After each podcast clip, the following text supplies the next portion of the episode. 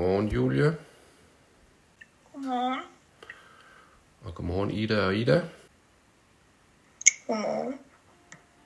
Hej, Signe. Godmorgen. Sådan lyder det for tiden, når jeg møder mit 3G mediefagshold til undervisning.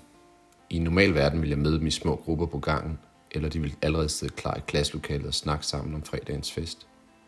Men nu sidder de i hver deres teams vindue. Jeg kan se, hvordan de kæler med deres kat, gør deres yoghurt klar til morgenmad eller ligger med søvn i øjnene med dynen omkring sig.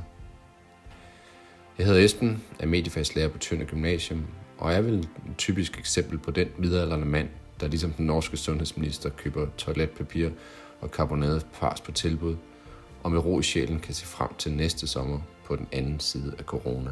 Som voksne snakker vi om eh, næste sommer, men eh, næste sommer det er for middelaldrende mænd som køber karbonadedeig og dopapir på tilbud. Neste sommer finnes ikke når du er ung.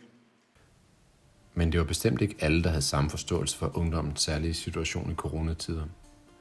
Dronning Margrethe kunne i hvert fald ikke lige se problemet med at gerne ville ses og feste med sine venner. Men I har jo tiden for jer og andre måder at mødes på i denne digitale tidsalder. Og mange har helt sikkert synes det var fint, da hun i sin coronatale i marts 2020 også gav de unge en ordentlig gang skyld med skam på. Nogen holder endda stadig fester. Det synes jeg ikke, man kan være bekendt. Det er tankeløst. Og det er først og fremmest hensynsløst.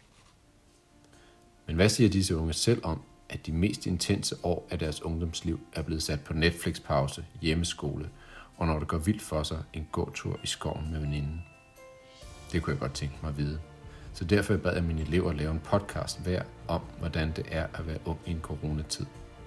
Det er der kommet denne række vidt forskellige, men alle meget interessante podcast-afsnit ud af.